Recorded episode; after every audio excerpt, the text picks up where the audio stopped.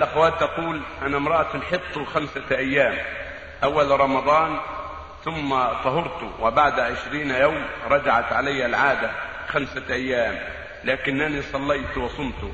هل أعيد أم لا؟ نعم نعم. الأيام التي صمتيها ومعك الدم هذا غلط ومنكر. عليك التوبة إلى الله من هذا. عليك التوبة إلى الله لأن الحائض لا تصوم ولا تصلي. فالتي الأيام التي صمتيها الأخيرة أو الأولى عليك قضاء الصيام لأنها أيام من رمضان وأنت لا تصلح إلا الصيام ومعك الحيض. فصومها باطل. صومك إياها باطل وعليك قضاؤها وعليك التوبة إلى الله سبحانه وتعالى. أما الصلاة فلا تقضى لأن الحائض لا تصلي. لكن عليك التوبة إلى الله من صلاتك وأنت حائض من صومك وأنت حائض. الله جل وعلا وضع عن الحائض ونفذ الصوم والصلاة وجعلها تقضي الصوم ولا تقضي الصلاة. قالت عائشة رضي الله عنها كنا نؤمر بقضاء الصوم ولا نؤمر بقضاء الصلاة. فالحائض لا تصلي ولا تصوم وهكذا النفساء لا تصلي ولا تصوم ما دام معها الدم قبل الأربعين وعليها قضاء الصوم بعد الطهر وليس عليهما قضاء الصلاة إنما تقضيان الصوم صوم رمضان. وإذا طهرت النفساء قبل رمضان قبل الأربعين فإنها تغتسل لو طهرت وهي بنت ثلاثين أو عشرين أو خمسة وعشرين ما مضى من نفاسها إلا إلا خمسة وعشرون أو عشرون أو ثلاثون إذا طهرت تغتسل وتصلي وتصوم وتحل زوجها ولا تبقى حتى تكمل أربعين ما هو لازم تكمل أربعين.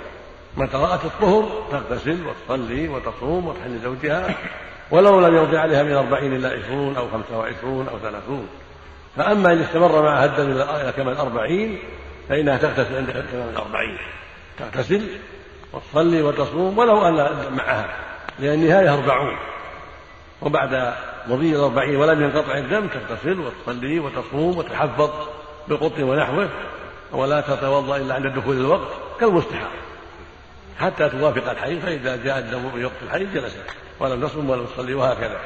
هذه أمور ينبغي العناية بها وهكذا الحائض. لو كانت عادتها سبع أو ثمان ثم طهرت لثلاث أو لأربع اغتسلت وصلت وصامت ولم تنتظر بقية الأيام التي طهرت فيها. فإن الحيض يزيد وينقص.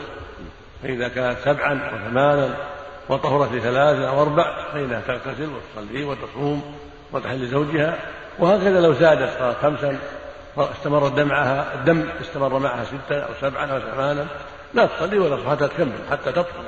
نعم. يكون بين الحيضتين أقل من شهر؟ نعم. يكون بينهما أقل من شهر وأقل من عشرين يوما يعني. قال بعضهم أقل ما يكون ثلاثة عشر يوم لكن ليس عليه دليل. نعم. متى رأت الدم جلست. إلا إذا كان المرء سفرة أو كدرة بعد الطهارة فإنها لا تعتبرهما شيئا. السفرة والكدرة كالبول تصلي وتصوم معهما وتستنجي في الوقت في وقت الصلاة. وتوضأ وضوء الصلاة في وقتها إذا دخل وقتها إذا كان معها صفرة أو كدرة. كالمستحاضة التي يستمر معها الدم دائما. هذه تصلي وتصوم وتوضأ لوقت كل صلاة ولا تجلس إلا إذا جاء وقت الحيض. إذا جاء وقت حيضها جلست يعني تركت الصوم والصلاة وإذا مضى وقت الحيض اغتسلت وصلت وصامت. يعني الشهر يستوعب حيضا وطهرا قد يكون فيه حيضتان شهر واحد. نعم. نعم